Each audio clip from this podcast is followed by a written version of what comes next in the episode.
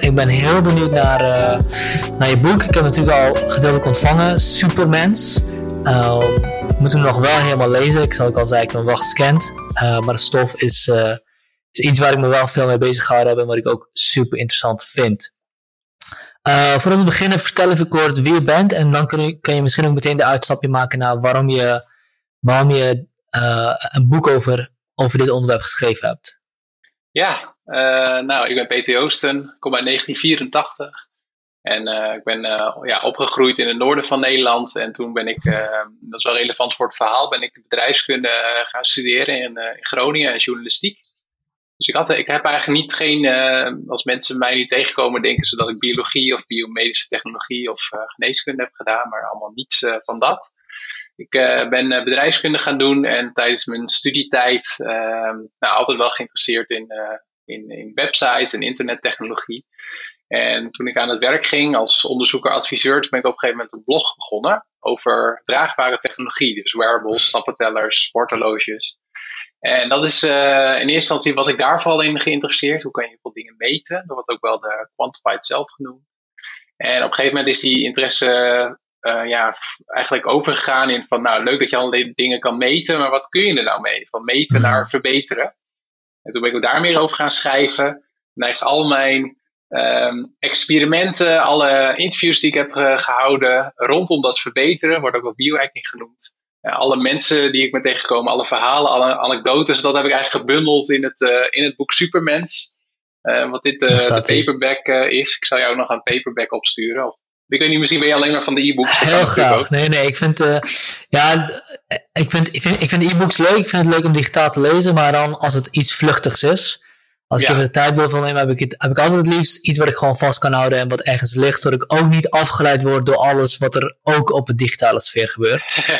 Want uh, op, op uh, de laptop aanzetten is Twitter aanzetten. ja, precies. Ja, dat, is een beetje. Um, Cool. En uh, dus eigenlijk vanuit, vanuit interesse van, oké, nu we kunnen al die dingen meten, maar wat, wat heeft het nou precies voor nut en wat, wat kunnen we ermee? En ja. uh, daardoor ben je dus, dat, dit, dat, dat, daardoor heb je die, al die interviews en, en verhalen gemaakt en dat heb je gebundeld in, in het boek. Um, ja. Misschien even kort een samenvatting geven van waar het, nou, waar het precies over gaat. Um, ja, wat ik eigenlijk uh, in het boek heb gedaan is, bestaat in, in, uit drie delen. het eerste deel gaat over of over technologieën die er eigenlijk op dit moment al zijn. Die worden gebruikt om uh, ja, patiënten te helpen. Maar eigenlijk mijn, uh, een van mijn belangrijkste boodschappen in, in, het boek is dat we als we kijken naar het gebruik van medische technologie, dat we het heel vaak gebruiken om in eerste instantie gaan we dat, we, wetenschappers, uh, bedrijven, die ontwikkelen dat om zieke mensen te helpen. Dus dat ze ongeveer weer hetzelfde kunnen zoals gezonde mensen. Mm. Um, en uh, wat we vaak zien, in ieder geval in de geschiedenis, is dat we dan, als dat voor patiënten werkt, om hen daarbij te helpen, dat dan ook zogenaamde gezonde mensen dat soort technieken ook gaan gebruiken om zichzelf te willen verbeteren. Dus uh, uh, een voorbeeld, en dat, dat schrijf ik over bijvoorbeeld in hoofdstuk 1 uh, van het boek, is plastische chirurgie. Mm. Dat is eerst ook ontwikkeld eigenlijk om, om patiënten te helpen. sterker nog, tijdens de Eerste Wereldoorlog was er een uh, orthopedisch chirurg in, uh, in Berlijn, die, ja, die eigenlijk dat gebruikte om in eerste instantie om um, ja, Joodse jongetjes te helpen, die een beetje ja, bijvoorbeeld grote uit- of flaporen hadden. Flaporen hadden, ja. Ja, dan, ja, dat zeg ik helemaal niet. maar om het, uh, om het inderdaad dichter bij het hoofd uh, te doen. En toen kwam de Eerste Wereldoorlog en toen heeft hij heel veel soldaten geholpen. Die nou, zonder neus of zonder oren terugkwamen. Nou ja, tegenwoordig ja, kun je natuurlijk, je kan er een discussie over hebben of het verbetering is of niet. Maar veel mensen doen plastische chirurgie om zichzelf te verbeteren. En, uh, nou, en, dan kun je, en dan schrijf ik ook over uh, genetische modificatie, exoskeletten, protheses. Dat is zeg maar het eerste deel. En dan soms schrijf ik over mensen, patiënten die dat gebruiken. Dus ik heb ook een jongen geïnterviewd die een uh, dwarslesie heeft en nu een mm. exoskelet gebruikt om uh, nou, zichzelf te trainen. Mm. Uh, maar af en toe schrijf ik ook over mensen die al aan dat verbeterkant zitten. Dus inderdaad mensen die proberen van kan ik genetische modificatie gebruiken om mezelf te verbeteren. En het eerste deel gaat daarover, dus dat is meer in het nu. En het tweede deel gaat over, nou, meer richting, zou je kunnen zeggen, science fiction, meer transhumanistische ideeën van cryogene suspensie, dus dat je ingevroren wordt naar je dood, mind uploading, hersenimplantaten om jezelf te koppelen aan het internet. Dat is eigenlijk het tweede deel. En het derde deel, dat, ja, dat gaat meer over de risico's, de gevaren, de ethische discussies, ook de filosofie. Uh, dus in uh, aanloop naar dit gesprek heb ik ook naar jou een interview met uh, Pieter, Lem Peter, Pieter Lemmens. Pieter Lemmens, ja. Ja, Pieter Lemmens was je op mij vrij snel kwijt, moet ik zeggen. ik moet zeggen dat, dat, dat, dat ik dat niet raar vind, dat dat is. Want als ik het ook, als ik eraan terugdenk, denk ik, nou, dat is eigenlijk best wel een heel zeer technisch gesprek. Maar misschien kunnen we kijken of we het nu, als het relevant is, iets uh, concreter kunnen maken in wat, wat daar besproken, besproken wordt.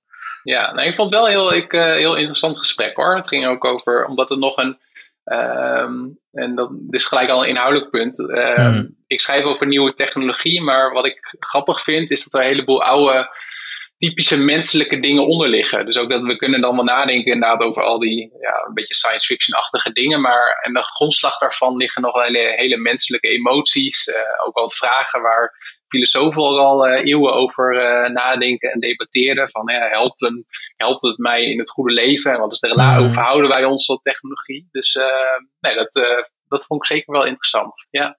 Ja, dus één deel gaat over het nu. Uh, het tweede deel gaat over de toekomst, wat kunnen we verwachten. En het derde deel is een bespreking van die ethische vraagstuk. Oké, okay, uh, is het goed wat we doen? Uh, moeten we het wel gaan doen? ja. dat, dat soort vragen ga ik vanuit. Um, ja, ehm, exact. La, ik denk dat het goed is als we, als we dan ook stap voor stap die, die drie delen pakken. En dan elke keer één ding pakken wat, wat denk ik heel, het, het, wat voor jou het meest interessant is. Dus wat voor technologie wordt nu gebruikt? Uh, wat eigenlijk super science fiction is, maar waar we misschien weinig van weten. Bijvoorbeeld CRISPR-Cas lijkt echt een soort van stille revolutie te worden, maar heel weinig daarvan krijgen we niet echt mee. Uh, Genetische modificatie, nou, er zijn al, als het schijnt, twee genetisch gemodificeerde kinderen geboren in, uh, in, in China. De vraag is, wat gaat dat doen? En dan in het derde inderdaad, wat moeten we dit eigenlijk wel doen? Moeten we eigenlijk wel meer technologieën ontwikkelen? Nou, hoe ik daarover denk, daar kunnen we denk ik straks over hebben. Maar wat is misschien nu iets wat echt, uh, wat weinig mensen weten, wat echt een science fiction-achtig iets is? Die exoskeleton van, skelet vond ik wel interessant. Ja, ja, even nadenken hoor. Ik pak hem er zelf nog even bij om, uh, om het even scherp te hebben. Want in het eerste deel gaat het over ja, het gebruik van data en, en sensoren, wat natuurlijk wel heel relevant is. Um, ja, farmaceutische verbeteringen. Dus ja. we hebben ook eerder contact gehad op Twitter. Ik weet dat jij daar ook wel een, uh, een mening over hebt. De, de scenario's van Limitless, de film. Uh, ja, ja uh, wat was er ook al? Ik, ik, kan me herinneren dat ik iets zei over. Nee, dat nou, weet ik niet meer zo goed wat, wat het precies was. Nee, nou, uh, jij had wel je twijfels bij het effect van die nootropics. Dus nootropics, dat zijn dan, uh, ja. uh, nou, voor de mensen die luisteren of kijken, je, de meeste mensen kennen wel dat je supplementen slikt of medicatie hebt om je te helpen met je fysiek. Bijvoorbeeld anabole steroïden of ja. proteïne, dat soort dingen, eiwitten. Ehm, en natuurlijk voor je gezondheid. Wat zei je? Ritalin. Een ja, goed voorbeeld van een therapeutisch, therapeutische druk wat voor door heel veel gezonde mensen, ja, als je ADHD hebt ben je niet ongezond, maar door heel veel mensen zonder ADHD gebruikt wordt om uh, scripties te schrijven of iets dergelijks. Ja, uh, ja. Ja. Nou, dat is precies een voorbeeld van, uh, van iets wat, uh, wat ontwikkeld wordt voor een bepaalde aandoening. En dan gaan er mensen die, dat, die hè, niet die diagnose hebben, die gaan het inderdaad gebruiken om zichzelf tijdelijk een, ja, een edge te geven. Ja. Ja, ja, ja. ja ik had inderdaad met twijfels over nootropics. Uh, ik heb namelijk met beide ervaring. Uh, ik heb uh, nootropics gebruikt, ik heb, ik heb Ritalin gebruikt en dergelijke. Maar ja. dat is dan de vraag die ik eigenlijk aan jou wil stellen. Is, is, er, is er wetenschappelijk onderbouwing voor nootropics? Oeh, ja, nee, niet zozeer dat ik weet. Echt, ik heb wel wat gelezen over studies, dubbelblind studies, waarin ze dan hebben gekeken van wat is het effect daarvan. Um, en uh, als ik voor mezelf spreek, um, merk ik wel effecten, maar dat is dan echt op hele, um, op hele specifieke taken. Dus ik heb wel een favoriete nootropic die ik dan neem om als ik beter uit mijn woorden wil komen. Ik moet zeggen dat ik hem nou niet heb genomen, dus uh, alvast excuses. Oei, oei, oei, oei. Wat, uh, ja, vertel wat meer, wat heb ik wel benieuwd naar. Maar ik heb ook, wel eens op, ik heb ook vaak ook op Reddit gezet, gezeten waar je dan een nootropic stack hebt en dergelijke. dat je dan ja. verschillende dingen gebruikt. Ik heb trouwens wel, ja, het hangt ook natuurlijk al wat je ziet als nootropics. Ik heb namelijk ook wel eens een tijdje eh L-theanine en cafeïnepillen gebruikt te- Mhm. tegelijkertijd. En daar Ja. merkte ik wel echt een verschil van, omdat ik van cafeïne redelijk ja, jittery werd. En die L-theanine zou dat dan moeten, moeten balanceren. En dat, dat werkte wel heel goed. Maar wat gebruik jij dan als, eh, als nootropics? Dat is misschien wel goed Nou, voor... ehm, ja, verschillende dingen eigenlijk. Ehm, en dat is, ik ben daar niet heel hardcore in hoor, dat ik elke dag eentje neem of dat ik heel specifiek weet voor dat ik een, inderdaad stacks doe. Dat doe ik eigenlijk ook niet. Ehm, maar ik gebruik eh Paneuromix eh, af en toe, Mindscopic en ook die Smart Caffeine die jij noemt. Dus van Siltep uit mijn hoofd. Dat is inderdaad, die hebben cafeïne en dat L-theanine om dat allemaal weer eh, ja, met elkaar in eh, balans eh, te brengen. Mhm. Maar een van de ehm, eh, grote misvattingen, en volgens mij ben jij het er ook wel mee eens, is dat sommige mensen denken, misschien ook geïnspireerd door films zoals Limitless of Lucy, van, dat je, nou, dat je zo'n pil neemt en dat alles goed is. Maar wat mij betreft is het een soort van extraatje op het moment dat je al genoeg goed slaapt, goed eet, voldoende beweegt. Eh, en dan zou, kan zo'n nootropic helpen. Maar als jij een slechte nacht hebt gehad en heel veel alcohol hebt gedronken en heel slecht hebt gegeten, ja, dan helpt zo'n nootropic. Ik denk dat het Ja. eerder kwaad kan dan eh, dat het eh, je iets oplevert. Ja, ja, ja, ik denk dat je zeker gelijk hebt. Nu weet ik wel een beetje waar ik, waarin, waarin dat over ging, die tweet inderdaad. Bij- Lucy en bij Lim ik weet niet of het bij Limitless het geval is, maar je hebt vaak van die films waar dan een personage dan eh, 100% van de breincapaciteit unlockt. Oh ja, ja. Dat was waar ik, waar ik tegenaan zat. En dat is een urban mythe, mythe dat- toch? Ja, dat, dat klopt helemaal. Het, is, het, het heeft iets van, eh, van waarheid volgens mij, maar ik weet niet precies hoe het zit. Maar het is niet zo dat, dat je 100% van je brein kan unlocken en dat dan inderdaad je super eh, human powers hebt.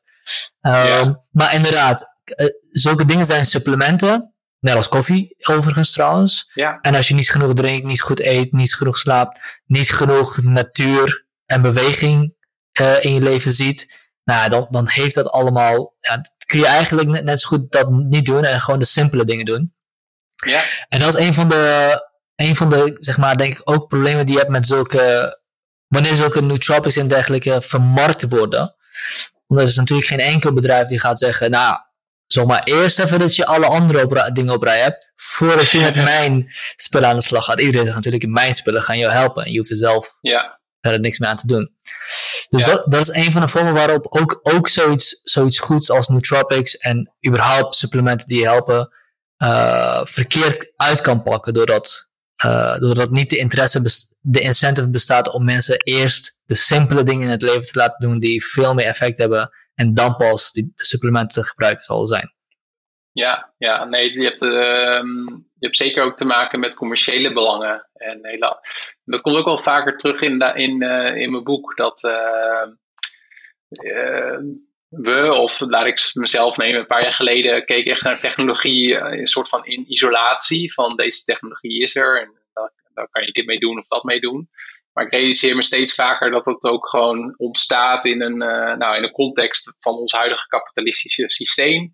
Ehm, je hebt ook nog, eh, zeker bijvoorbeeld, je noemde net over CRISPR-Cas9, heb je ook een hele geopolitieke context natuurlijk. Oh ja? Ehm, nou, als, als in van, ehm, ik heb er een tijdje geleden ook eh, wetenschapper van de Wageningen Universiteit over gesproken, die ook eens betrokken was bij de vooronderzoeken die leidden tot eh, nou, de beroemde publicatie van Doudna en Chapman-Che en anderen in 2012 uit mijn hoofd, die, waar ze afgelopen, in afgelopen najaar ook de en najaar van 2020 ook eh, de Nobelprijs eh, voor hebben gekregen. En waar zij ze, zich in Wageningen wel momenteel druk om maken, is dat, eh, dat de wet en regelgeving in Europa een stuk beperkter is dan bijvoorbeeld in, eh, nou, in, eh, in China of in Amerika. En dat je ook op het gebied van CRISPR-Cas en biotechnologie, eh, dat geldt net zo goed voor kunstmatige intelligentie, wel een soort van wapenwedloop ziet tussen nou, die Mm. twee grote wereldmachten. En ehm, eh, en, ook, en dat vond ik ook wel interessant. Je noemde net inderdaad de twee. eh, in eind 2018 zijn twee Chinese kindjes geboren, Lulu en Nana, die inderdaad in hun, als embryo zijn genetisch gemodificeerd met eh CRISPR-Cas9. En wat ik heel grappig op, of opvallend vond, iets dat er wereldwijd heel veel ophef over ontstond. Ook wel terecht, denk ik hoor. Van, van, van bioethici tot uh, politieke leiders, tot religieuze, religieuze leiders, tot ook uh, collega-wetenschappers uh, in Amerika. tot ik ook ergens een commentaar las van ja, bij Harvard uit mijn hoofd. Waren ze ook met soortgelijke ja, experimenten bezig, maar dan dat ze volgens mij de hmm. spermacellen zouden aanpassen. Dus misschien speelt daar ook, zeg maar, wetenschappers zijn ook gewoon mensen. Speelt er ook jaloezie, afgunst, al dat soort dingen mee. Dus uh, ja, ja, ik vind het steeds interessant om ik vind dat heel moeilijk, hè? Maar om altijd iets vanuit, uh, ja, vanuit die wat bredere context van uh, nou, geopolitiek en de markt en dat soort dingen te bekijken. Ja, ik denk dat als je dat voor elkaar zou kunnen krijgen om, om een helder beeld van al die factoren tegelijk te hebben, dat je dan uh, veel meer te doen zou hebben dan deze podcast. Dat is natuurlijk ja. een, van de, een van de moeilijkste dingen. misschien is het goed om even te vertellen wat CRISPR-Cas precies doet, want ik weet dat het te maken heeft met een enzym en dat het DNA knipt, maar veel meer dan dat weet ik er niet echt vanaf. Uh, het is, uh, uh, je weet al best wel veel vanaf, moet ik zeggen. Ehm, laat ik beginnen door te zeggen dat het, het uh, bewerken van DNA dat dat al iets is wat we eigenlijk als mensen al best wel lang doen. Dus mm. denk bijvoorbeeld aan het veredelen van planten of het fokken van bepaalde dierrassen, honden, dat soort dingen. En, maar dat is altijd wel een beetje gokken. Als in van, nou, we gaan dat kruisen en dan kijken wat er uitkomt en mm. welke kenmerken we dan hebben. En dan weet je het nog niet helemaal zeker. Dus uh, dat duurt ook wel lang voordat je een bepaald resultaat hebt. Um, nou, en het heeft ook best wel lang geduurd voordat we wisten wat nou de drager was van die erfelijke informatie. Hoe kan het dat, uh, nou, dat je ongeveer zo oud uitziet als een soort van mix van je, van je ouders en iets meer van de een dan, dan van de ander. Um, en dat, de, uh, volgens mij was ook uh, een van de Griekse filosofen die dacht ook dat er het, een, een soort van mini-mensje al in, in een spermacel van een man zou zitten. dus dat, dat, dat de vrouw zeg maar een soort van alleen een soort van akker is, waar dat dan groeit. Allemaal, uh, dus heel lang hadden we geen idee. Het Klinkt als een heel Aristoteliaans idee. Ik weet. Ja, volgens mij was het ook Aristoteles. Okay, ja, ja. ja zit jij er beter in. Aristoteles vond ook dat vrouwen maar een half uh, en, niet, een niet complete man waren. Ah, ja, dus ja, nou, daar begint het ellende. Ja, daar begint daar inderdaad, ja. Ja, nee, dus... Uh, ja, heel lang, heel lang wisten, wisten, ze, wisten, we, wisten ze dat niet. Um, en op een gegeven moment, volgens mij ongeveer tijdens de Tweede Wereldoorlog, ook door betere um, ja, kijktechnieken, microscopen, kwamen ze eigenlijk achter dat er dus uh, ja, van die moleculen in elke celkern zitten, helemaal opgerold. En toen in het begin dachten ze ook van, nou, wat, wat is er nou voor iets? Uh, en toen kwamen ze dus op een gegeven moment achter die de, de dubbele helix structuur met uh, Crick en Watson en uh, Franklin. Nou, en vanaf dat moment zijn ze ook gaan kijken van, of ja, toen kwamen ze eigenlijk achter van um, uh, ja, de kenmerken van een organisme. Dus dat mm. kunnen bacteriën, planten, dieren, wij. Dat, eh, dat zit voor een groot deel eigenlijk in, in het DNA. Dat is als het ware de, ja, als, het, als we het over biohacking hebben, noem ik dat het besturingssysteem van het leven. Uh, en vanaf dat moment zijn wetenschappers ook wel geïnteresseerd van ja, kunnen we dat dan ook bewerken? En, en wat gebeurt er dan? En uh, nou, dat ging zeker in het begin vooral met, met, chemie, met chemicaliën of met, met straling.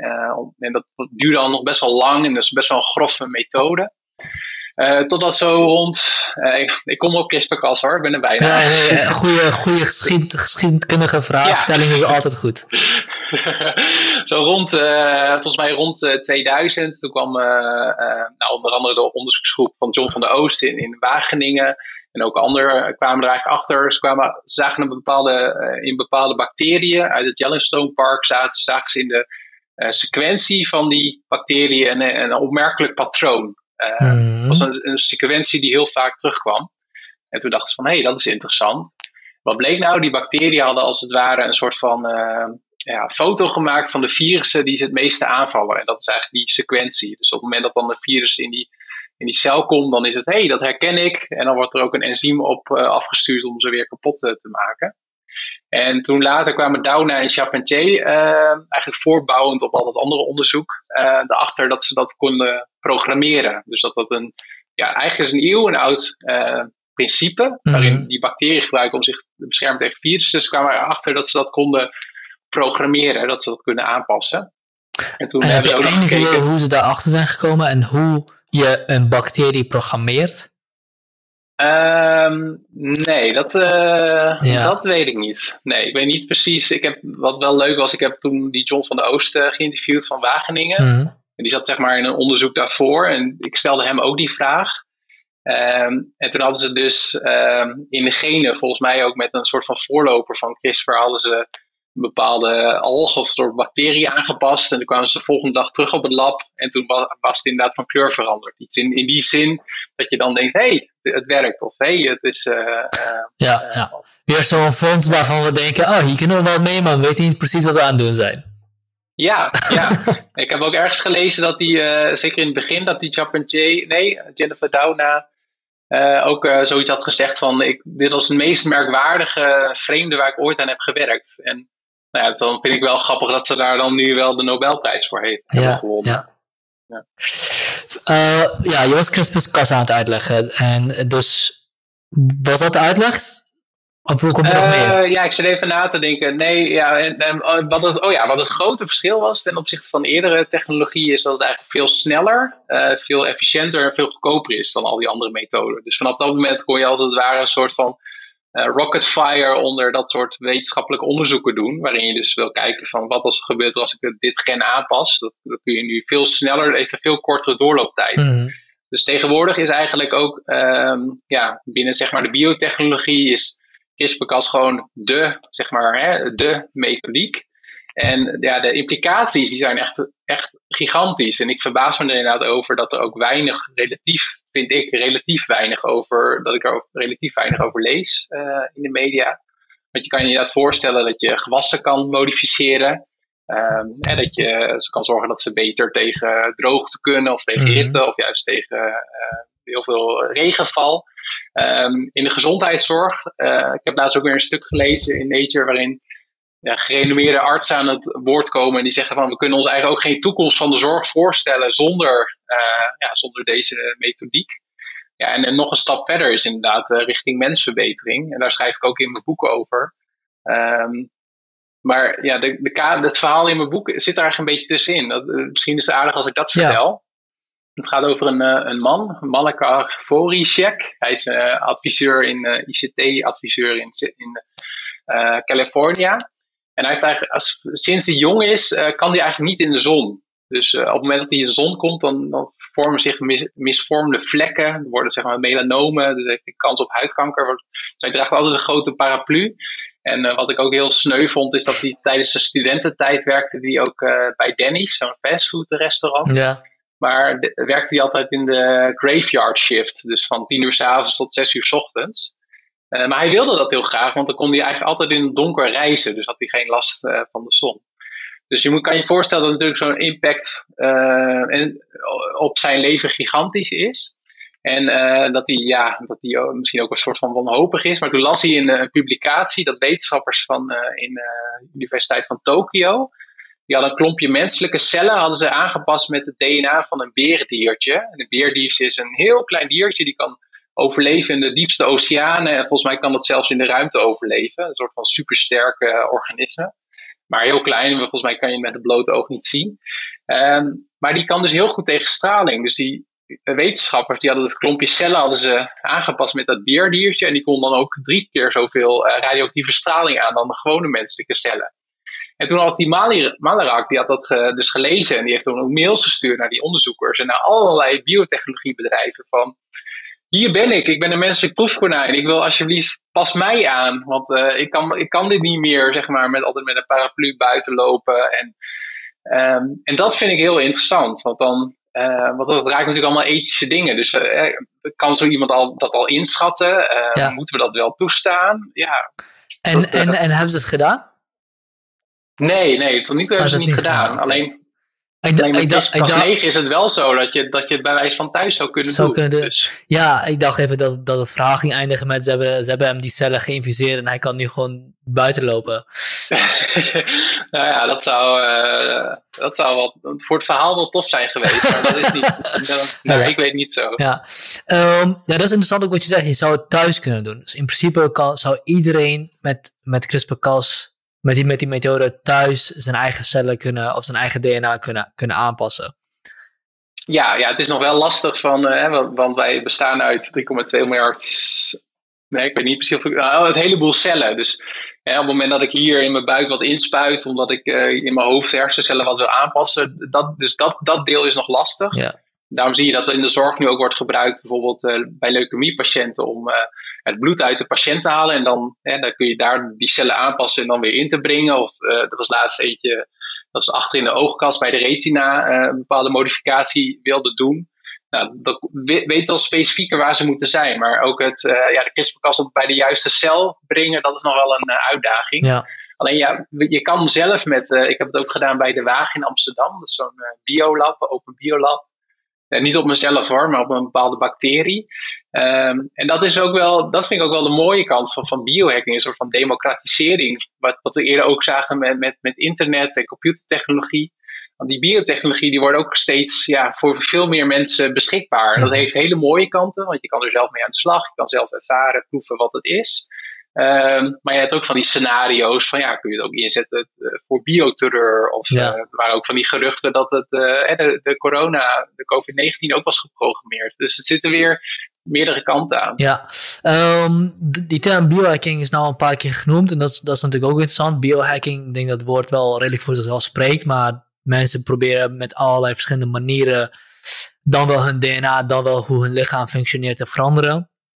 Volgens mij uh, kun je zelfs uh, je slaappatroon aanpassen door op verschillende manieren te leven en te eten en, uh, en, en, en te werken. Ik denk dat je dat ook wel biohacking mag noemen. Dan, dan gebruik je in principe ook een techniek, al is het geen ja. technologisch product, maar het is wel een vorm van techniek die je gebruikt. Um, en die term democratisering, dus, dus je democratiseert biohacking, je democratiseert, je democratiseert de mogelijkheid om je eigen lichaam aan te passen. Nou, bioterreur zou natuurlijk inderdaad een van de, van de problemen kunnen zijn. Maar we hebben ook gezien in de afgelopen 10, 20 jaar dat democratisering op zichzelf al problematische dingen kan uh, laten bestaan. Of uh, uh, slechte gevolgen kan hebben. Namelijk, laten we kijken, Facebook bijvoorbeeld. Dat is een soort van democratisering. Internet is een soort van democratisering. Er komen heel veel goede dingen uit. Maar ja, is op dit, sowieso op dit moment is het, is het enigszins. Uh, heeft het niet zo'n heel goede rap, laat ik het zo zeggen. En, en dat, dat brengt me denk ik bij het punt dat uh, elke nieuwe vol. Kijk, ik ben geen techni techniek op pessimist. Dat, dat lijkt een beetje alsof ik dit aan het zeggen ben, maar ik ben. Ik, ik vind al die dingen vind ik super interessant. Zeker dingen zoals quantified self, uh, CRISPR. Uh, zodra er een cyborg optie is, dan ben ik er wel bij, denk ik. um, maar het, we hebben er ook altijd, als je zeker, een nieuwe technologie hebt die enorm uh, revolutionair kan zijn, hebben nieuwe, dat dwingt ons als maatschappij om andere manieren van, van leven of ermee te leven voor te brengen. Uh, dus, dus de democratisering van communicatie of de democratisering van, van platforms, laat ik het even zo zeggen, uh, maakt dat ons leven anders is. Het groot, overgrote deel van mijn contacten gaat nu via een scherm. Het overdeel van mijn communicatie met de cultuur en met de wereld waar ik in leef gaat via een scherm. En geen neutraal scherm, maar een scherm die voor grotendeels gemaakt is om bepaalde, uh, mij bepaalde handelingen te laten uitvoeren. Namelijk zoveel mogelijk tijd op het scherm en dergelijke. En ja. in die context is wat ik ook, hoe ik democratisering van biohacking ook zou willen plaatsen. Namelijk, ja, heel veel mensen gaan er enorm coole dingen mee doen. Misschien krijgen we zelfs een open source society van biohacking. Als we met, met, met, uh, met techniek hebben, zou heel cool zijn. Ja, misschien hebben we dat al een beetje. Uh, maar een open source society die kan zeggen: hier heb je een stukje code, uh, voer het maar in. Um, maar wederom, vanwege al die commerciële belangen, gaan er ook heel veel mensen zijn die erop in gaan spelen op een manier die niet de beste interesses van de consument in, in oog gaan hebben. Um, dus democratisering zal ook gepaard moeten gaan met bepaalde uh, vormen van uh, ja, beperking, zo, zou ik zeggen. Um, ja. Wat niet wegneemt wat het, dat het biohacking in algemeen, ja, ik ben benieuwd wat mensen gaan verzinnen. Um, ja, hoe vet zou het zijn als je bepaalde cellen in je lichaam of bepaalde stukken van je DNA gewoon uit kan schakelen. Ik ben bijvoorbeeld een ochtendpersoon, uh, geen ochtend, verre weg van ochtendpersoon. Voor tien uur moet je niet tegen mij praten. Uh, dat, dat, gaat gewoon geheid mis. Uh, maar stel je voor dat dat te lokaliseren is in een vorm, in een stuk van mijn genetisch materiaal. En dat ik dat kan uitschakelen. Nou, dan wordt mijn leven een stuk beter. Alhoewel, ja.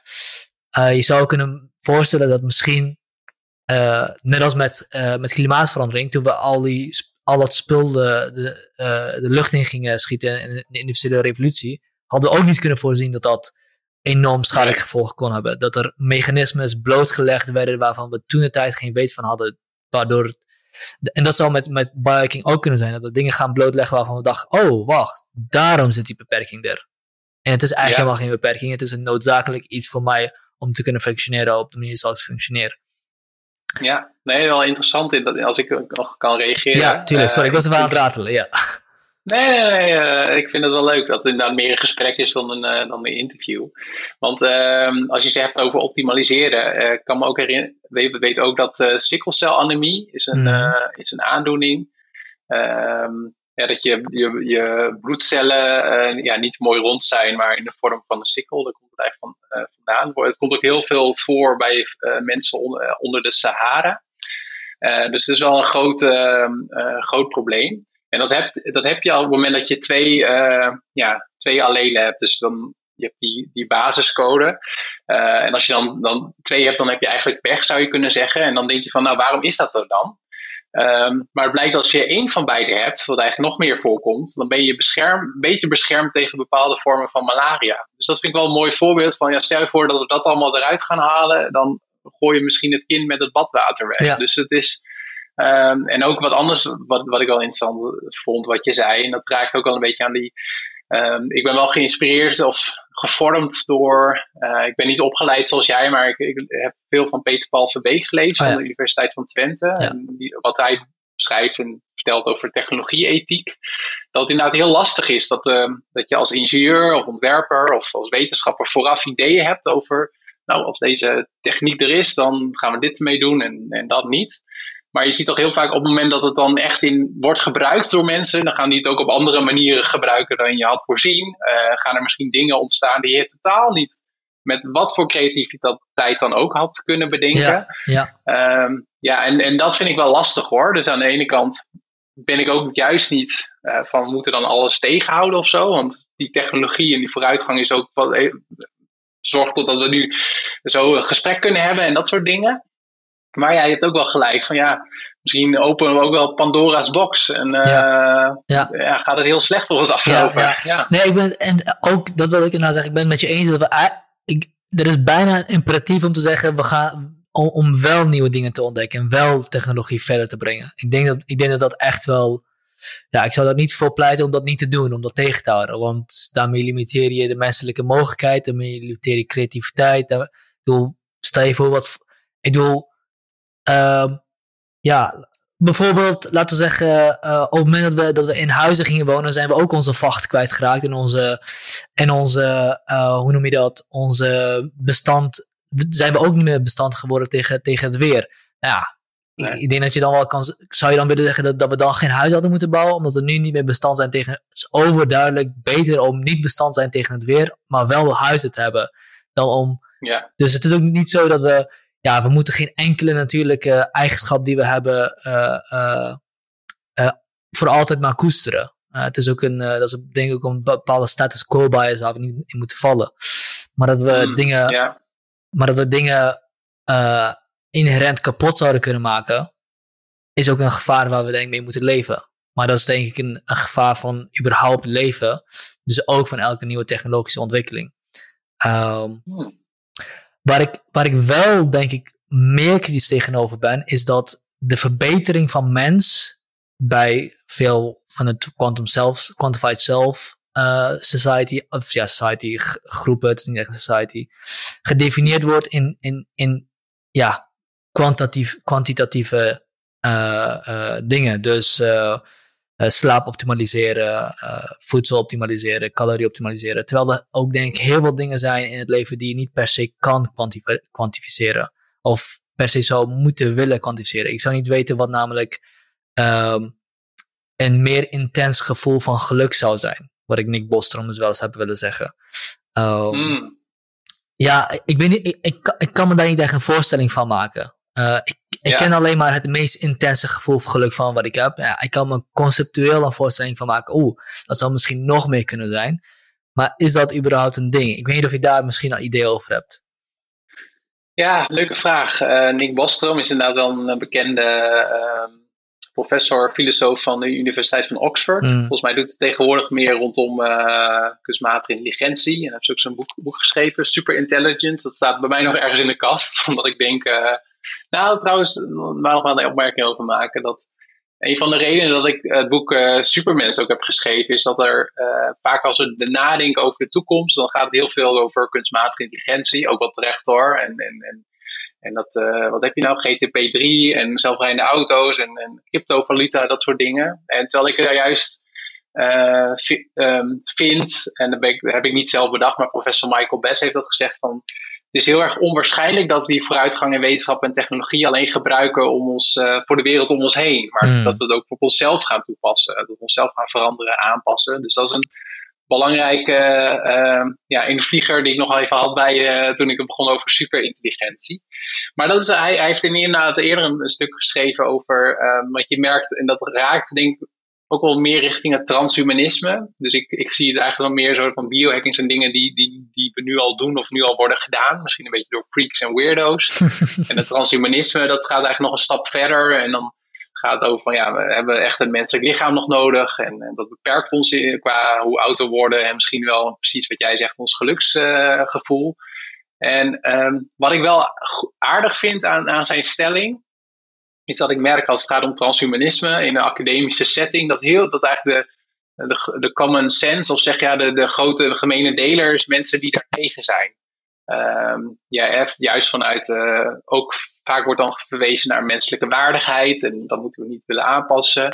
Um, en wat ik wel interessant vind aan de stelling van Bostrom is dat hij inderdaad zegt van ja, misschien kunnen we wel streven naar nieuwe vormen van geluk of nieuwe vormen van inlevingsvermogen of nieuwe uh, hele. Uh, en um, ja, ik vind het wel moeilijk, maar dat komt om, door mijn primitieve brein om, om daar zeg maar goed over na te denken. Maar ik vind het als gedachte-experiment wel goed om niet per se uit te gaan van oké, wat we nu hebben moeten we, uh, is gewoon een maximum. Uh, ja, misschien zijn er wel nieuwe vormen van geluk of intensiteit of andere emoties mogelijk. Uh, maar aan de andere kant, en dan raak ik weer jouw opmerking over kwantiteit zelf, is het wel uh, gevaar, is het de kans groot dat we dat in eerste instantie niet zullen doen. En dat zal ik even uitleggen.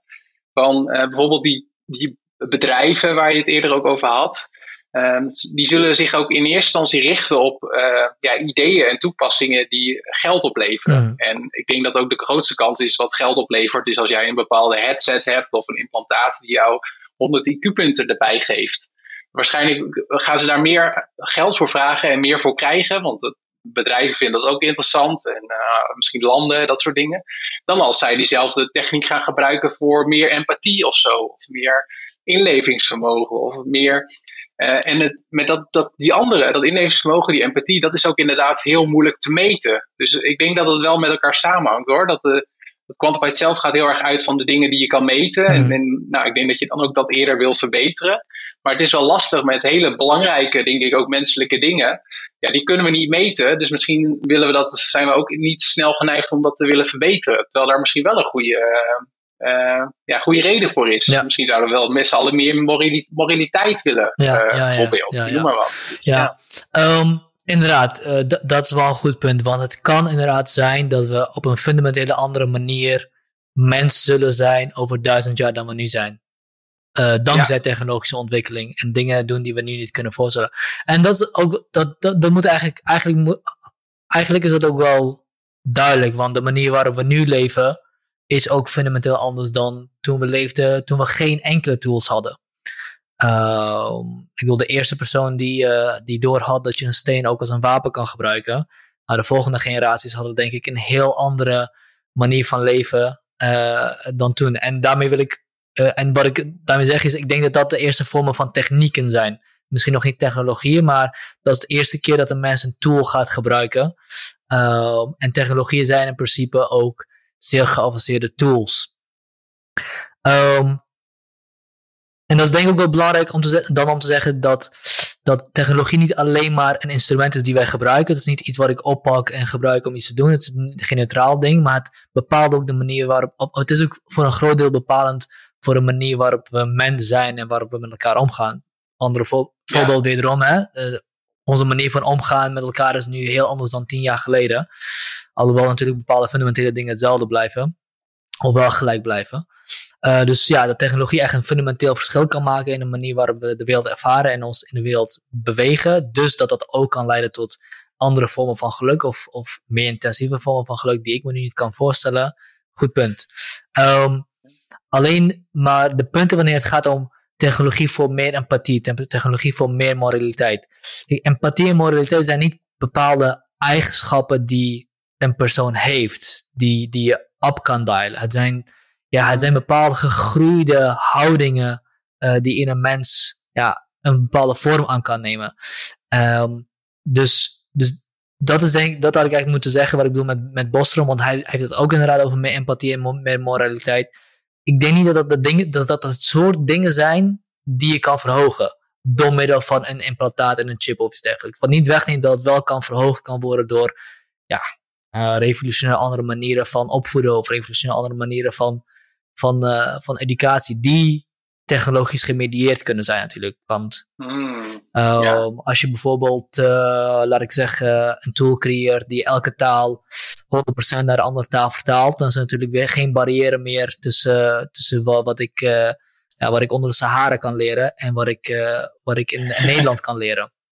Ik heb over altijd toegang tot dezelfde vorm van, van tot, tot dezelfde taal, een taal die ik begrijp namelijk. Ja, ja. Uh, maar tegelijkertijd, dan moet ik weer even denken aan inderdaad internet, wat je net zei. Uh, dat was een, daar moet ik ook wel eens over nadenken als het gaat over biohacking en biotechnologie. Dat nu ook wel de belofte zo groot is. En hmm. misschien ook wel de, uh, van inderdaad, het kan klimaatcrisis misschien oplossen of hongersnoden laten afnemen.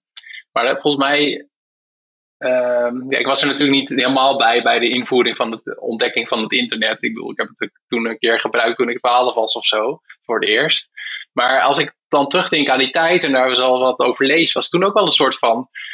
Uh, ja, ook democratisch, had jij het ook al eerder, democratisch idee van ja, we zijn straks met z'n allen verbonden en dat zorgt voor wereldvrede en uh, een beetje kumbaya, weet je, ik ga kort de bocht natuurlijk. Maar het heeft tegelijkertijd en, uh, inderdaad ook opgeleverd dat we fake nieuws hebben. En uh, nou, straks deepfake video's en uh, dat, soort, dat soort dingen. Dus het is wel, ja. Ja, ja. Ik weet het nog niet zo goed. Nou, wat het, wat het is, kijk, je gebruikt Nietzsche in je boek. Ik, dat hoofdstuk niet gelezen, maar daar kunnen we het misschien over hebben. Komt hier terug. Er is geen, er is geen iets wat bestaat wat alles voor ons gaat oplossen. Het is constant werk. Ehm, elke nieuwe oplossing brengt nieuwe problemen met zich mee. Dus elke keer dat iemand zegt, daar is een punt, daar komen we en dan is het probleem opgelost, dan is in principe de geschiedenis voorbij, ben ik bij voorbaat al uh, sceptisch, uh, sceptisch tegenover. Ik weet dat Nick Bo nee, dat is Ray Kurzweil trouwens, die ook een uh, voorbeeld van de singularity. Er is op een gegeven moment is er een punt waarin de ontwikkeling van technologie zo snel gaat en dat zal wel met AI gebeuren dat, dat de mens het niet meer bij kan houden en dan is eigenlijk alles ja, ik weet niet precies wat er dan gebeurt, maar het heeft voor mij allemaal dezelfde structuur als, als, um, als ergens in de toekomst zal de, zal de koninkrijk God uh, weer neerdalen. En of dat nou een technologische God is, of een christelijke God, of, uh, of een uh, spirituele God. Um, ik denk dat dat eindpunt van die geschiedenis, dat idee dat er een eindpunt van de geschiedenis is, dat is denk ik deeply flawed. Um, omdat we het nooit meegemaakt hebben. Dus ik, ik heb geen reden om aan te nemen dat dat klopt. Um, we dachten ook dat we met, uh, met de Large Hadron Collider ook alle, uh, alle uh, natuurkundige geheimen gingen ontrafelen. Nou, dat is ook niet helemaal waar, alhoewel we wel veel door geleerd hebben. Aan de andere kant is het ook wel zo dat we polio redelijk uitgeschakeld hebben ja. als ziekte. Maar dat was geen functie van, oh, we hebben nu een tool ontwikkeld en daardoor gaat goed komen. Dat is een functie geweest van hard, hard, hard werken door heel veel mensen. En technologische ontwikkelingen. Hmm, ja. Um, ja. Ja, dus, het ja. Wat je, ja, dus eigenlijk is het inderdaad van de, ik moest aan denken van The End of History. Dat is natuurlijk ook zo'n boek van uh, Fukuyama. en die Fukuyama heeft ook een ander boek geschreven over posthumanisme. Dus dat is wel weer uh, oh, wel, wel grappig. Waarin hij eigenlijk best wel kritisch is. Ik weet niet of ik hem hier bij me... Nee, hij, ligt, hij ligt denk ik beneden. Um, our post-human future, uh, zoiets. Maar het is wel, ja, het is wel, wel wel opvallend inderdaad. Dat, en ik weet niet of we dat vooraf kunnen bepalen. Wat jij zegt van inderdaad polio, dan bij wijze van zetten we alles onze schouders eronder en dat lukt dan. Ehm, maar ja, ik, ik, en dat doet me ook wel denken aan die moraliteit en inlevingsvermogen. Van, ehm, dat, we, dat er inderdaad, denk ik, er is wel natuurlijk een soort van tendens dat technologie, en dat vind ik zelf soms ook wel moeilijk hoor. Dus ik ben wel benieuwd hoe jij daar naar kijkt. Ja, ja technologie maakt ons leven ook wel steeds makkelijker. Dus mm. bij wijze van uh, dat je dat binnenkomt en dat de thermostaat alles al heeft geregeld. En dat je naar buiten loopt en dat er daar al een uh, Uber staat. En dat je alle frictie wordt een beetje uit je lichaam, uit je leven gehaald. Ja, ja, ja. Um, maar als ik aan bij mezelf nadenk, dan denk ik van juist ook wel die. Um, ja, die tegenslag en die frictie, die, vorm je, die geef je ook wel weer belangrijke lessen. Die vorm je ook wel weer als persoon. Dus ja. Ja. Uh, ja, moeten we dat dan moedwillig in, in, in, in de samenleving allerlei obstakels gaan opwerpen of zo? Ja, of, ja, dat, ja, dat weet ik niet. Ja, dat is goed punt inderdaad. Ja, inderdaad, die frictie, dat levert groei op en misschien ook wel betekenis. Uh, maar ja, dat, ja, inderdaad, ga je die frictie niet weghalen dan? Of moet je inderdaad obstakels gaan opwerpen? Um, ja, mensen zeggen ook wel eens dat, uh, dat de enige mensen die zich zorgen maken over het doel van het leven, mensen zijn die, uh, uh, die niet bang hoeven te zijn voor hun leven. Dus dan pas wordt het relevant. Als je vrije hmm. tijd hebt. dus als er een frictie al uit je leven weggehaald is. Ja, dat, dat is inderdaad een heel interessant punt. Wat doe je daarmee? Ja, dat weet ik ook niet zo goed. Het enige wat ik wel weet is dat, wat ik durf te zeggen, ik weet, ik weet het niet, maar ik durf het te zeggen, dat namelijk een frictieloos bestaan dat gaan we niet halen. Dus het is denk ik heel goed om, om juist frictie weg te halen die, die geen doel uh, heeft. Dus uh, een van de dingen die we doen trouwens, oh, we doen, we doen namelijk wel zelf frictie opwerpen in ons leven, namelijk we gaan sporten. Hmm. In een wereld waarin we, uh, waarin we niet, niet lichamelijk actief hoeven zijn de hele dag. En dus, dus tijd hebben om sport, dus frictie, als, als plezier te ervaren. Dus we doen het wel al een beetje. Um, uh, maar ja, de vraag is denk ik meer van, ga je, ga je naar de toekomst toe zeggen, ja, bepaalde vormen van frictie in je leven kun je het beste laten staan en andere niet? Ja, ja, ja, dat is, dat is een soort van double bind waar we in zitten. wat, wat inderdaad een heel lastige vraag is. Um, ja. Ik denk, uh, ik denk dat we vooral, uh, vooral moeten ik denk dat vooral creatieve geesten hun ding moeten laten doen. En als dat leidt naar, uh, naar inderdaad een wereld met, met, met Ubers en uh, minder frictie, dan moeten we dat uh, toelaten en moeten we zorgen dat we ja, de juiste Stiegler noemt dat therapieën. elke nieuwe technologie heeft een, of elke nieuwe technologische verandering, dus niet elke technologie brengt echt verandering met zich mee, vereist een vorm van therapie. Dus we moeten ermee leren omgaan. Uh, oh, en de gig economy is denk ik een vorm van een, een, een, technologische ontwikkeling waar we echt een vorm van therapie nodig voor hebben. En die therapie kan zijn dat je bepaalde manieren hebt van ermee omgaan, persoonlijk. Het kan zijn dat je een bepaalde beleid moet maken. Het kan zijn dat je het volledig moet, uh, uh, ja, echt volledig moet gewoon verbieden. Um, maar dat, dat je er iets mee doet, dat die ontwikkeling eigenlijk van je vraagt van, hey, eigenlijk je opwerpt om daar iets aan te doen en de verantwoordelijkheid voor te nemen, dat is denk ik evident. Maar de vraagt eigenlijk nog steeds van, ja, wat doe je met die frictie? Want die frictie geeft tegelijkertijd, ja, misschien moeten we gewoon de mens herdefiniëren als datgene die, zijn, die de frictie in zijn leven overstijgt. Hmm. Dat, geeft ons, uh, dat geeft betekenis aan ons leven, om frictie te overstijgen. Ja, ja. Nou ja, dat is, ja ik, uh, moet oppassen dat ik me op glad ijs begeef. Maar dus op het eerste oog zit er, ja, als niet filosoof of niet ethicus, maar zo op het eerste oog zit daar zeker wel wat in. En volgens mij heeft ook, eh, ik was een tijdje geleden bij een webinar van haar, van Mirjam Rasch. Die heeft ook een, uh, ik hoop dat ik haar achternaam goed uitspreek, ook een boek geschreven, Frictie. Die zich ook een beetje, uh, ja, inderdaad kritisch is over het, het alsmaar wegnemen van obstakels in ons leven. En ja, dus dat, dat, dat, dat staat ook wel voor een, inderdaad een bredere trend, denk ik. Waarin niet alleen voor ons eigenlijk als ons, in ons lichaam, maar ook En je hoort ook van die termen dat, dat ook voor kinderen die nu opgroeien, dat die ook heel meer worden beschermd dan vroeger. Nou, kan ik mm. niet goed beoordelen. Maar dat, ja, ik denk dat het allemaal wat dingen zijn die met elkaar samenhangen. Misschien ook wel tijdsgeest die daarin meespeelt. Dus, ja. Ik denk dat we, ik denk dat we aan het leren zijn dat. Kijk, we hebben natuurlijk heel veel we eh, beleefden altijd vroeger met heel veel plichten. In de zin van we moesten heel veel doen om ons leven in stand te houden. En die zijn grotendeels weggevallen.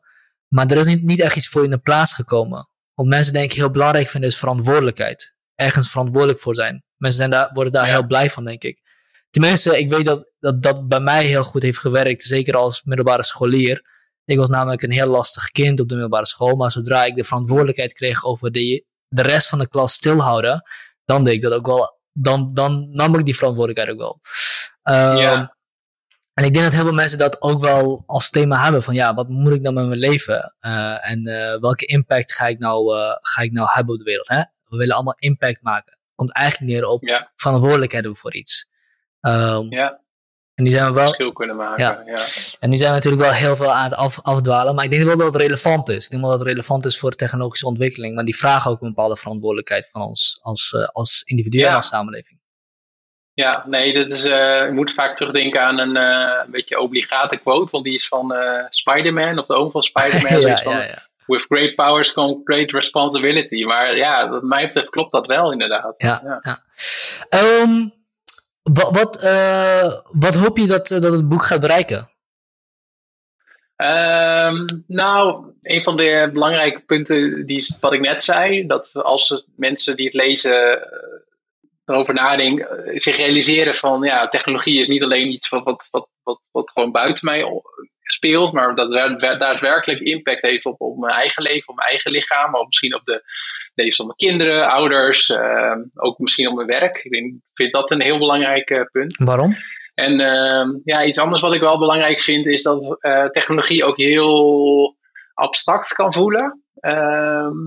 dus dat was wel een opdracht die ik heb meegekregen van de uitgever voor dit boek. Want ik heb eerder een boek geschreven en dat hij zei, uitgever Evert, van ja, dat uh, voelt hem, dat was wel met hem eens toen ik het later weer teruglas. Want het voelt wel een beetje schools en een beetje droog. En het was meer, nou, dit is genetische modificatie, zo werkt het.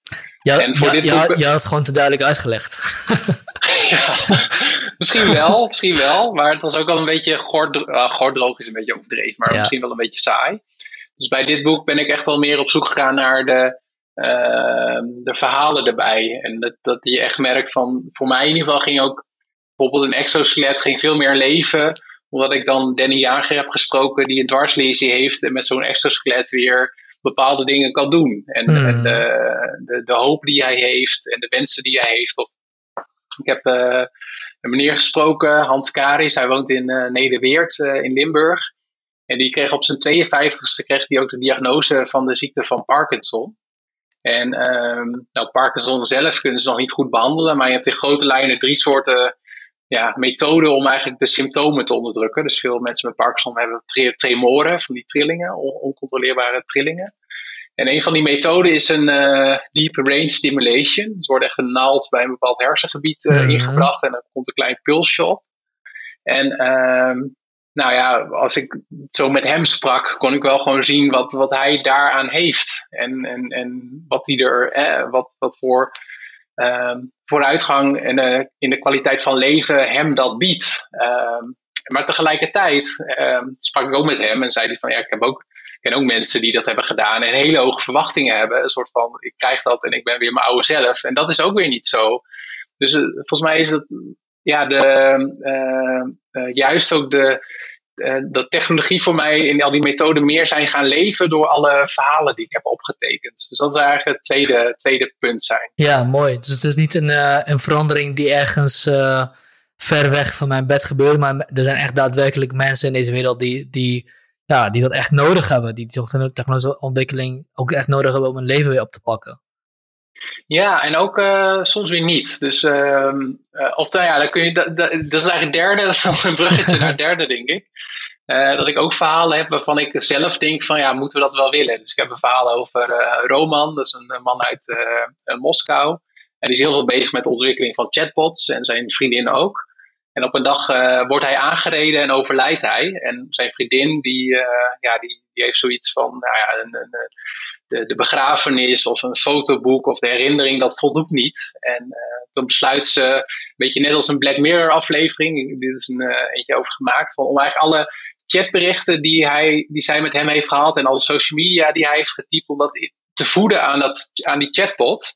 En dus dat het een soort van virtuele replica is van hem, terwijl hij is overleden. En uh, nou, zij, zij vindt dat ook voor haar werkt dat. Ehm, en haar, de moeder van die Roman, die is er eigenlijk ook wel blij mee. Die zegt van, ik leer mijn zoon op een andere manier kennen. Wow. Maar die vader moet er bijvoorbeeld niks van hebben. En eh, mijn eerste reactie is ook van, ja, moeten, moeten we dat soort dingen eigenlijk wel willen? Ja. Dus ik hoop ook dat, dat mensen die het boek lezen denken van, uh, ja, misschien moeten we dit niet willen. Maar dat we in ieder geval dan, dat je daar dan met elkaar over kan hebben aan de telefoon. Of uh, zoals nu via ja, ja, ja. ja, maar dat, dat, dat vind ik Wauw, uh, is het een overtuigende chatbot? Dat vraag ik me dan altijd af. Uh, nou, volgens mij waren een aantal van zijn vrienden die, uh, ja, die, er best, die, die wel wisten dat het natuurlijk een chatbot was. Niet dat hij weer tot leven was uh, gewekt. Een aantal die vonden het, vonden het niet zo goed werken. Maar ik, ik denk wel uh, want dat is ook een verhaal van twee jaar geleden of zo. Dat met die vorderingen op dat gebied van kunstmatige intelligentie, dat dat uh, nou, misschien toch wel snel richting zo'n Turing-test kan komen. En ja, misschien wordt zo'n chatbot dan wel overtuigend. Nou. En hebben we dan een, een, hele groep mensen. Maar aan de andere kant zou je kunnen denken van als we nou. Ja, ik lees nu een science fiction boek dat daar een beetje over gaat, Hyperion. Wat nou als we dan Einstein weer digitaal tot leven zouden kunnen wekken. En hem dan de vraag kunnen stellen over de klimaatcrisis. dus dat soort dingen denk ik dan ook weer. Ja, maar, ja dat, uh, over de Turing-test ja. gesproken. Um, GPT-3 had je het uh, eerder over. Dat is een uh, taalverwerkingsalgoritme die heel overtuigend teksten kan schrijven. Voor de mensen die het niet weten. je kan daar een één zin schrijven over een onderwerp. En die maakt gewoon een heel overtuigend stuk, stuk tekst. die bijna niet te onderscheiden is van niet geschreven door mens. Uh, tenzij je echt heel goed gaat kijken, kun je vaak nog wel inconsistenties of tegenspraken zien. Maar het is heel, heel apart. En het kan ook heel veel uh, toepassingen hebben. Namelijk, je kan daarmee bijvoorbeeld. Uh, iemand had daar een, iets van gemaakt. Je kan daar dingen door laten designen. Door alleen maar te schrijven wat je wilt. Dus dan hoef je eigenlijk geen code meer te hebben om dingen te coderen. Want als hij de tekst kan reproduceren, kan hij ook begrijpen wat er in de tekst staat. Of tenminste, zover begrijpen dat hij en design ervan kan maken. Maar een aantal weken heeft, die GPT-3 heeft een GPT-3-bot op uh, Reddit, de subreddit Ask Reddit gezeten. En die heeft allemaal vragen zitten beantwoorden van mensen. en iemand is er pas achter gekomen dat het, uh, dat het een bot is, omdat hij opmerkte dat één gebruiker uh, in heel korte tijd op heel veel vragen reageerde met hele lappe tekst. En is dan toen ah. gaan kijken en is, heeft hij heeft een aantal inconsistenties in de tekst of tegenspraak in de tekst gevonden. En, en heeft. Voor de rest weet ik niet meer hoe hij dan de conclusie heeft gemaakt dat het een GPT-3-bot is. Maar uiteindelijk bleek het, inderdaad een bot te zijn. Dus die Turing-test, ja, die uncanny valley, zoals het ook wel eens heet als het visueel is. Ja, daar zijn we heel snel overheen aan het gaan, denk ik. Um, en zeker ook met deepfakes en dergelijke. En ja, ik weet, vind je dat beangstigend? Uh, Over deepfakes ja, bijvoorbeeld. Ja, ja, ja, ja en nee. Dus uh, ik moet, moet zeggen, kunstmatige intelligentie en, en, dat deep learning, machine learning en zo vind ik allemaal heel interessant. Maar het is ook niet mijn, uh, mijn expertisegebied. Maar met het schrijven van het boek ben ik er, heb ik er wel over nagedacht van. Dat ik heb het de hele tijd over het mens, het transhumanisme, het supermens. Het gaat de hele tijd over de mens. Maar ja, misschien um, wat ook uh, Bustrum en uh, Elon Musk en uh, Kurzweil allemaal zeggen van ja, op gegeven En ik heb laatst ook een interessant boek gelezen van James Lovelock, die ook zegt van na het antropocene gaan we over naar Novacene, waarin, oh. ja, waarin eigenlijk kunstmatige intelligentie de volgende levensvorm is. Want we zijn natuurlijk na uh, eh, 13 biljoen jaar geleden dat het universum ontstond. Toen hadden we eerst natuurlijk uh, atomen, moleculen, enkelcellige organismen. Die gingen samenklonteren. Nou, wij zitten nog steeds in dat, dat stadium. En dat elke fase die bouwt ook weer voort op de complexiteit van de vorige. Dus het zou best wel kunnen zijn dat wij inderdaad ook weer een... Wij zijn niet, het, wat jij zegt, we zijn niet het einde van de geschiedenis. En mm. waarschijnlijk zijn we ook niet het einde van de evolutie. Mm Hoop ik tenminste dan. uh, dat de volgende stap inderdaad is dat, we de, uh, ja, dat wij de moeder zijn en, en uh, de kraamverzorgster van de volgende evolutionaire levensvorm, nou kunstmatige intelligentie. Um, Maar of, daar is ook weer heel veel debat over, hè? of dat nou echt zo is, of dat dat onzin is. Of, dus, dus dat vind ik wel lastig, maar ik vind wel, um, deepfakes vind ik aan de ene kant heel fascinerend. Ik ben er voor, voor mijn eigen werk wel eens over aan het nadenken, want ik doe natuurlijk veel lezing. Ja, je, verdient geen, je wordt niet rijk van het schrijven van het boek, maar ik geef er veel lezingen en presentaties en webinars. En, Daar word je wel rijk van. van ja, nou, wel rijker dan het schrijven van het boek. Uh, maar ik denk wel, ja, in de toekomst, misschien is het zo dat ik in de toekomst dat ik ook word weggeconcureerd door een, uh, een avatar van mezelf of ah, zo. Ja, die, ja, ja, uh, die, dan ook dit gesprek zou kunnen voeren of zo met jou. Ja, misschien is dat dan ook wel een, nou, dan heb ik liever, AI van jou. Dan heb ik liever een avatar van mij die, de, die honderden gesprekken tegelijkertijd kan voeren. ja, ja, precies. Ja. Dus, maar tegelijkertijd merk ik dan bij mezelf zo'n ehm, reflex dat ik denk van, oh ja, ik ga dan eerder uit van een negatieve, inderdaad. Terwijl, het, terwijl dat ook niet helemaal terecht is. Dus ik, ja, ik ben daar nog niet helemaal over uit. Hoe ja. sta jij daarin? Ja, ik, ik ben daar, ja, misschien ben ik er te optimistisch in, maar ik heb zo, ik, ik denk, ja, deepfakes inderdaad lijken heel overtuigend, of zijn heel overtuigend, en gaan nog overtuigender worden natuurlijk.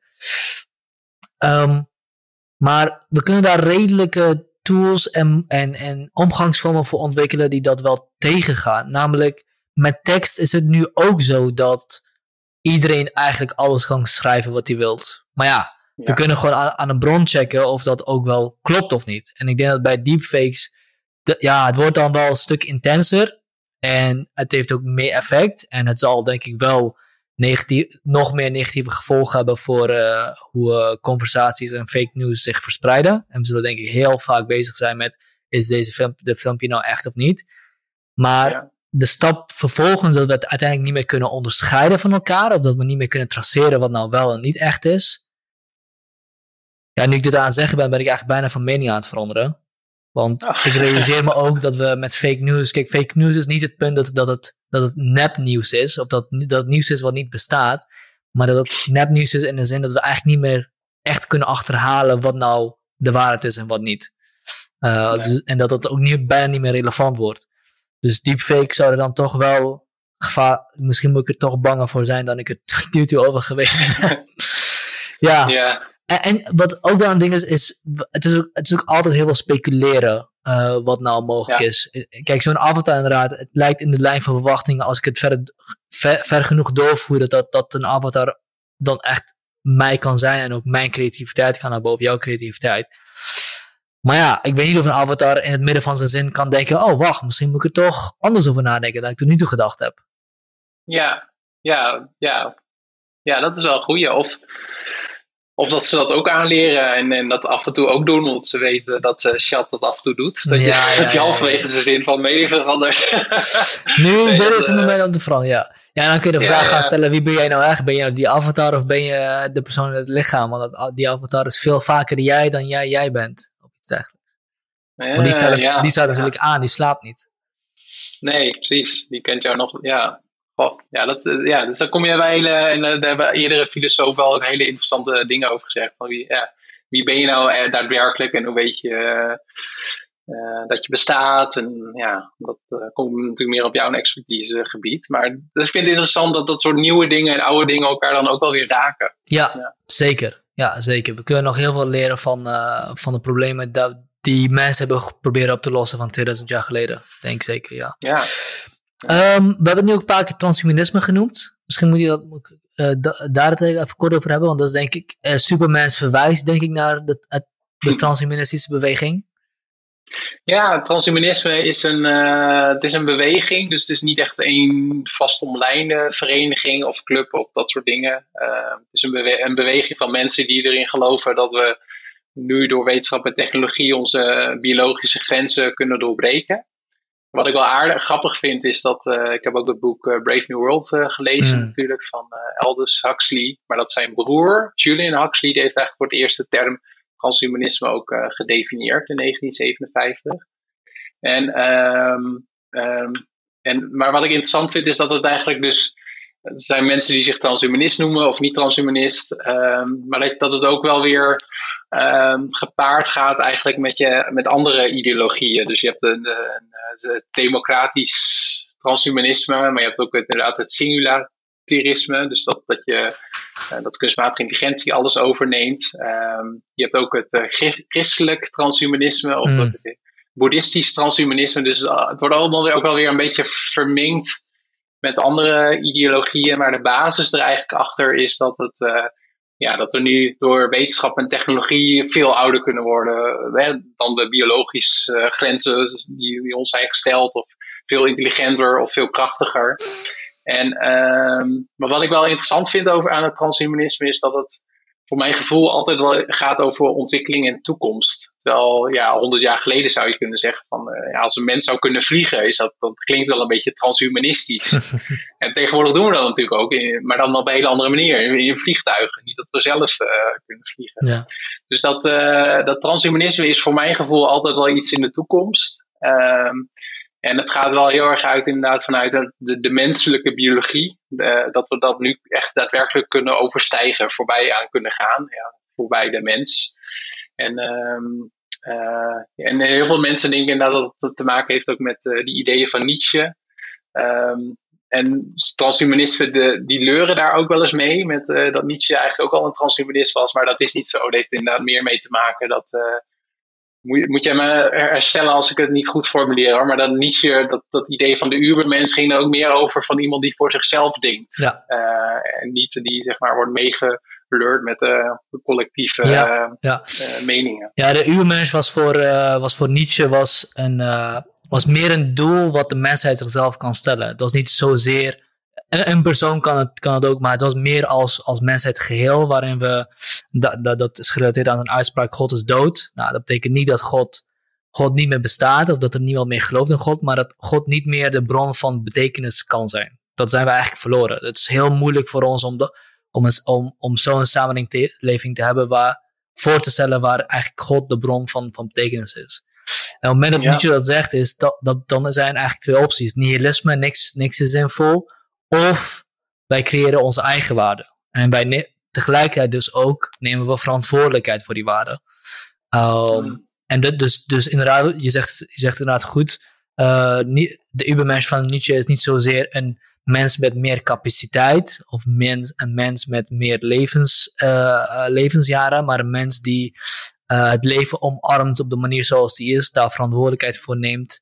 Um, en breekt uit die slavenmoraal. Dat, dat, dat is wel een thema bij Nietzsche. Dat het christendom is volgens hem een slavenmoraal, waarbij de, de zwakkeren in de samenleving uh, zichzelf uh, ja, goede, uh, de juiste moraal toekennen, terwijl het eigenlijk, eigenlijk de, de echte krijgers, degene die overwinnen en het leven toelachen voor, met alle slechte en goede dingen die erin zitten, de echte de echte krijgersmoraal uh, moraal hebben. Mm, ja. En uh, dus, dus inderdaad, dus dat, dat, die verbinding van Nietzsche met transhumanisme, dat, uh, ja, je kan dat doen natuurlijk. Je kan zeggen, Nietzsche, we gebruiken Nietzsche om ons te inspireren, maar Nietzsche's Ubermensch heeft niks te maken met, met jezelf verbeteren, want het gaat erom, waarom gaat dus je eigen waarde creëren en, en verantwoordelijkheid nemen.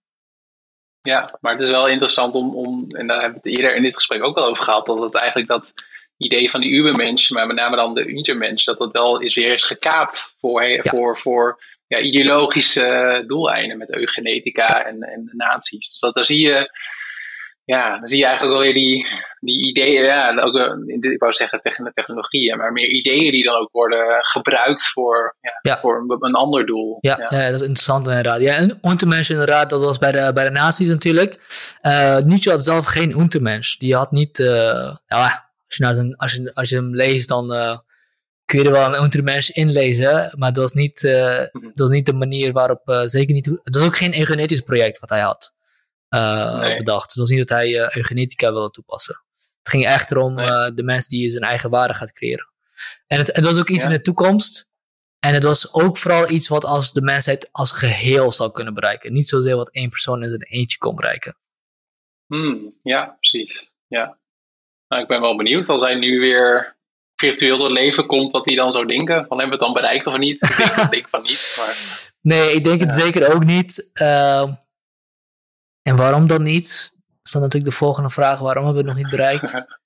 Uh, omdat we vooral, ik denk dat we de wereld waar we in leven is meer nihilistisch dan dat het zijn eigen waarde heeft. Uh, mens, een van de grootste problemen is denk ik een gebrek aan betekenis en gebrek aan, aan eigen waarden, wat heel veel mensen voelen. Maar ja, of dat specifiek Mm. voor onze tijd is, of dat, eh, of dat eigenlijk eh, altijd al bestaan heeft, dat, durf, ik- dat zou ik niet durven te zeggen. Nee, dat weet ik ook niet. Nee. Goed, ehm, we hebben echt superveel besproken. Eh, Ik denk dat we nog heel, heel lang kunnen doorgaan. Eh, eh, maar mijn vragen zijn in ieder geval op. Zijn er nog dingen die jij zou willen bespreken? Of dingen die, waarvan je vindt dat het echt, echt duidelijk moet worden?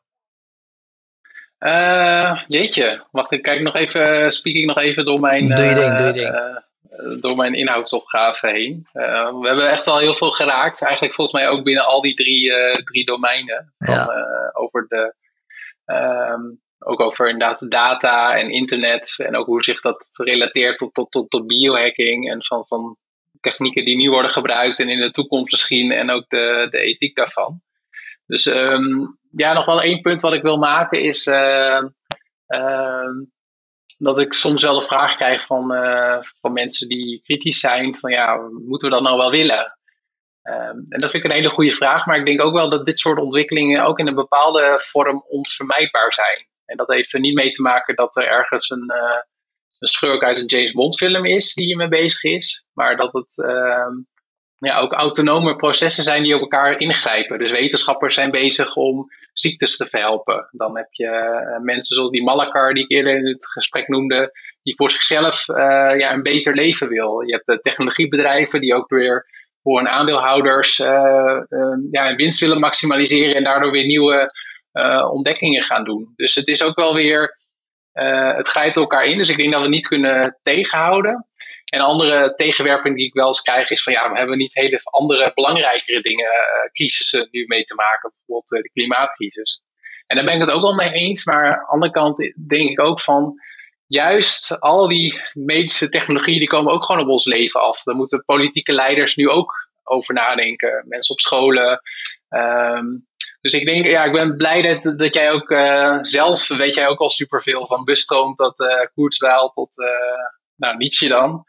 Dus ik vind wel, vond het echt wel een, ja, een gesprek op niveau. Dus misschien heb jij ook al een Nice. upgrade of zo. Nice, als ja. supermens. Ja, ik vond het zeker leuk. Ik vond het zeker leuk. En het is ook, het, is- het is ook een onderwerp waar ik niet met heel veel mensen op zo'n diepgaande manier kan praten. Ten- Omdat ja, niet heel veel mensen zitten zitten in de verschillende manieren waarop technologie Nee. voortbouwt. En eh, heel veel mensen zitten al niet in de, sowieso al niet in de filosofie erover. Dus ja, zeker. Ik vond, eh, ik vond het heel leuk om dit eh, op deze manier te doen. Eh, Cool, waar leuk. kunnen mensen je boek kopen? Eh, als ze gewoon naar hun eh, lokale boekhandel gaan, eh, of op bol.com of op Amazon, kunnen ze een boek kopen. En als ze meer willen weten over, over wat ik verder doe, want ik heb ook een podcast waar ik af en toe nog, Oh, nice. zoals die John van de Oost die ik net noemde, dat ik die heb geïnterviewd. al die dingen kun je vinden op peterjoosten.net. Dus eh, niet .com of .nl, die, die is al bezet, maar peterjoosten.net. Oké, top. Dankjewel Peter. Graag gedaan en bedankt voor je leuke vragen. Graag gedaan.